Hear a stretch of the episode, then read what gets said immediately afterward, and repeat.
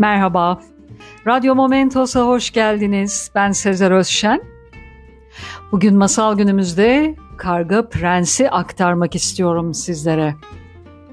Bir zamanlar Satürn'de yaşayan bir prens varmış. Bu prens babasının kurallarından, krallığın itici havasından ve yalnızlıktan sıkılınca Satürn'ün halkalarına oturup hayaller kurarmış. Hayallerinden biri başka bir gezegene gidip oraları gezmek, kafa dinlemek ve bir arkadaş edinmekmiş. Ama maalesef ki babası kral olduğundan ve çoğu gezegenlerin krallarıyla anlaşamadığından prensin bu hayalini gerçekleştirmesine engel oluyormuş. Prens bir gün yine Satürn'ün halkasında oturup hayal kurarken aklına bir fikir gelmiş. Neden babasının iznini istiyormuş ki? Kendisi yeterince olgun bir bireymiş zaten. Çok uzakta olmayan bir gezegene gidip orada prens olduğu belli olmasın diye kılık değiştirerek bir arkadaş edinmeye karar vermiş. Hemen en çok güvendiği askerlerinden birine bu isteğini söylemiş. Asker elbette ki bu isteği kraldan dolayı pek olumlu karşılamamış.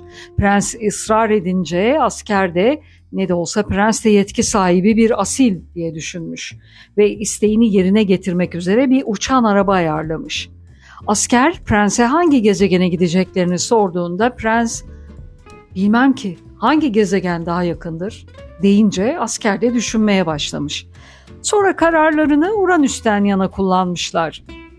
Uranüs'e doğru yol alırlarken askerin içine bir endişe dalgası kaplamış. Ya kral bu gidişlerinden dolayı onu sürgün ederse? Asker çekinerek bunu prense sormaya karar vermiş. Prensim, iyidir hoştur Uranüs'e gidiyoruz ama ya kralımız kızarsa? Prens askerin endişesini anlamış ve ona tüm sorumluluğu alacağına dair söz vermiş. Dakikalar saatleri kovalamış. En sonunda Uranüs'e ulaşmışlar. Asker arabadayken prens, sen gidebilirsin, bundan sonrasını ben hallederim, teşekkürler demiş. Asker şaşkına dönmüş. Prensi yalnız bırakmak doğru muydu ki? Gerçi kralın izni olmadan bunları yapmaları da doğru değildi ama yine de prensi yalnız bırakmanın iyi fikir olmadığı açıkça ortadaydı. Öyle iş olmaz prensim. Sizi yalnız bırakamam. Bu size ve kraliyet ailesine büyük bir saygısızlıktır. Prens düşünüp taşınır ve en sonunda kararını verir. İyi madem sen de gel. Ama ön, önce kılık değiştirmeliyiz diyerek en yakındaki mağazaya girip kılık değiştirmişler. Yüzlerini değiştirecek makyaj da yapmışlar. En sonunda Uranüs'ün ünlü okuma parklarından birine gelmişler. Prens yolda bir kitapçıdan adını hep duyduğu ama unuttuğu kitabı almaya karar vermiş. Askere de bir kitap aldıktan sonra okuma parkındaki tek boş sayılacak banka geçmişler. O bankta da esmer tenli, simsiyah saçlara ve dolgun kahverengi gözlere sahip bir kız oturuyormuş. Kız asker ve prensin yanına oturacağını anlayıp yana kaymış. Prens gözlerini kızdan alamıyormuş. Hayır tahmin ettiğiniz gibi değil. Prens kızın dış görünüşünden ziyade onun elindeki kitaba takılmış. Çünkü prens de daha önce okuyup beğendiği için belki kızla ortak nokta bulup arkadaş olabileceklerini düşünmüş.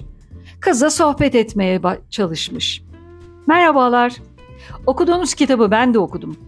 Ve çok güzel bir kitap gerçekten. Kaçıncı sayfadasınız? Kız içten bir şekilde gülümsemiş. 132. sayfadayım da ge- gerçekten de çok güzel bir kitap. Sizin en sevdiğiniz karakter neydi? Prens düşünmüş, bir anda böyle bir soruyla karşılaşmayı beklemiyormuş. Sanırım en sevdiğim karakter ailesine ve engellere rağmen hayallerinin peşinden giden kadındı. Kız da bu fikre katılmış ve gün sonuna kadar sohbet edip durmuşlar. Hatta o kadar dalmışlar ki sohbete. Prens askerin yanlarında olduğunu bile unutmuş. En sonunda prens çekinerek kıza şu soruyu yöneltmiş. Benimle Satürn'e gelmek ister misin? Kız biraz çekinerek daha yeni tanıştığı birinin teklifini kabul etmeli mi diye düşünmüş ve sonra tabii ki neden olmasın deyivermiş bir anda. Prens o kadar mutlu olmuş ki hemen kızın elinden tutup uçan arabaya askerle beraber gitmişler. Asker onları Satürn'e götürmüş. Prens kızın elini tutarken çok heyecanlanmış. Kız da aynı şekilde yanakları kızarmış halde prensin elini tutmaktaymış. Prens kızı Satürn'ün halkasına götürmüş. Ona uzun uzun bakmış ve Benimle dans eder misin? Kız başını onaylarcasına sallamış. Beraber Satürn'ün halkasının üstünde dans etmişler, süzülmüşler.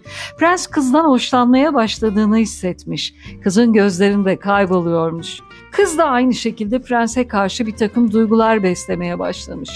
Beraber dans ederlerken prens bir anda onları izleyen kralı fark edip irkilmiş. Kız da kralı fark etmiş ve hemen prensin ellerinin arasından usulca ayrılmış. Kral sinirle sana başka gezegenlerdeki insanlarla konuşmaman ve başka gezegenlere gitmemen gerektiğini söylememiş miydim? diye prensi azarlamış. Prens sevdiği kızın önünde çok mahcup olmuş. Madem beni dinlemedin, cezana da katlanacaksın demiş. Kral ve prensi oracıkta bir kargaya dönüştürmüş. Prens kendine daha ne olduğunu anlayamadan kral onu dünyaya göndermiş. Kız gözyaşlarını tutamadan olan biteni izliyormuş. Prens yavaş yavaş yok olurken ağzından tek bir cümle çıkmış. Seni seviyorum. Sana söz veriyorum ki geri geleceğim. Kız hıçkırarak ağladığı esnada prens dünyaya gönderilmiş. Dünyaya indiğinde bir an önce dönme hevesiyle insanlardan bulduğu tüm güzel eşyaları kıza götürmek için toplamış. İnsanlar da bu karga yüzünden genelleme yapıp tüm kargalara hırsız lakabını takmışlar. Ama karganın yani prensin amacı dünyada bulabildiği ne kadar güzel eşya varsa sevdiği kıza götürmekmiş. Böylece insanların eşyalarını çalmaya devam etmiş ve her akşam sevdiği kızın hayalini kurarak mutlu olmasını ve her ne problem olursa olsun pes etmemesini dileyerek uykuya dalarmış.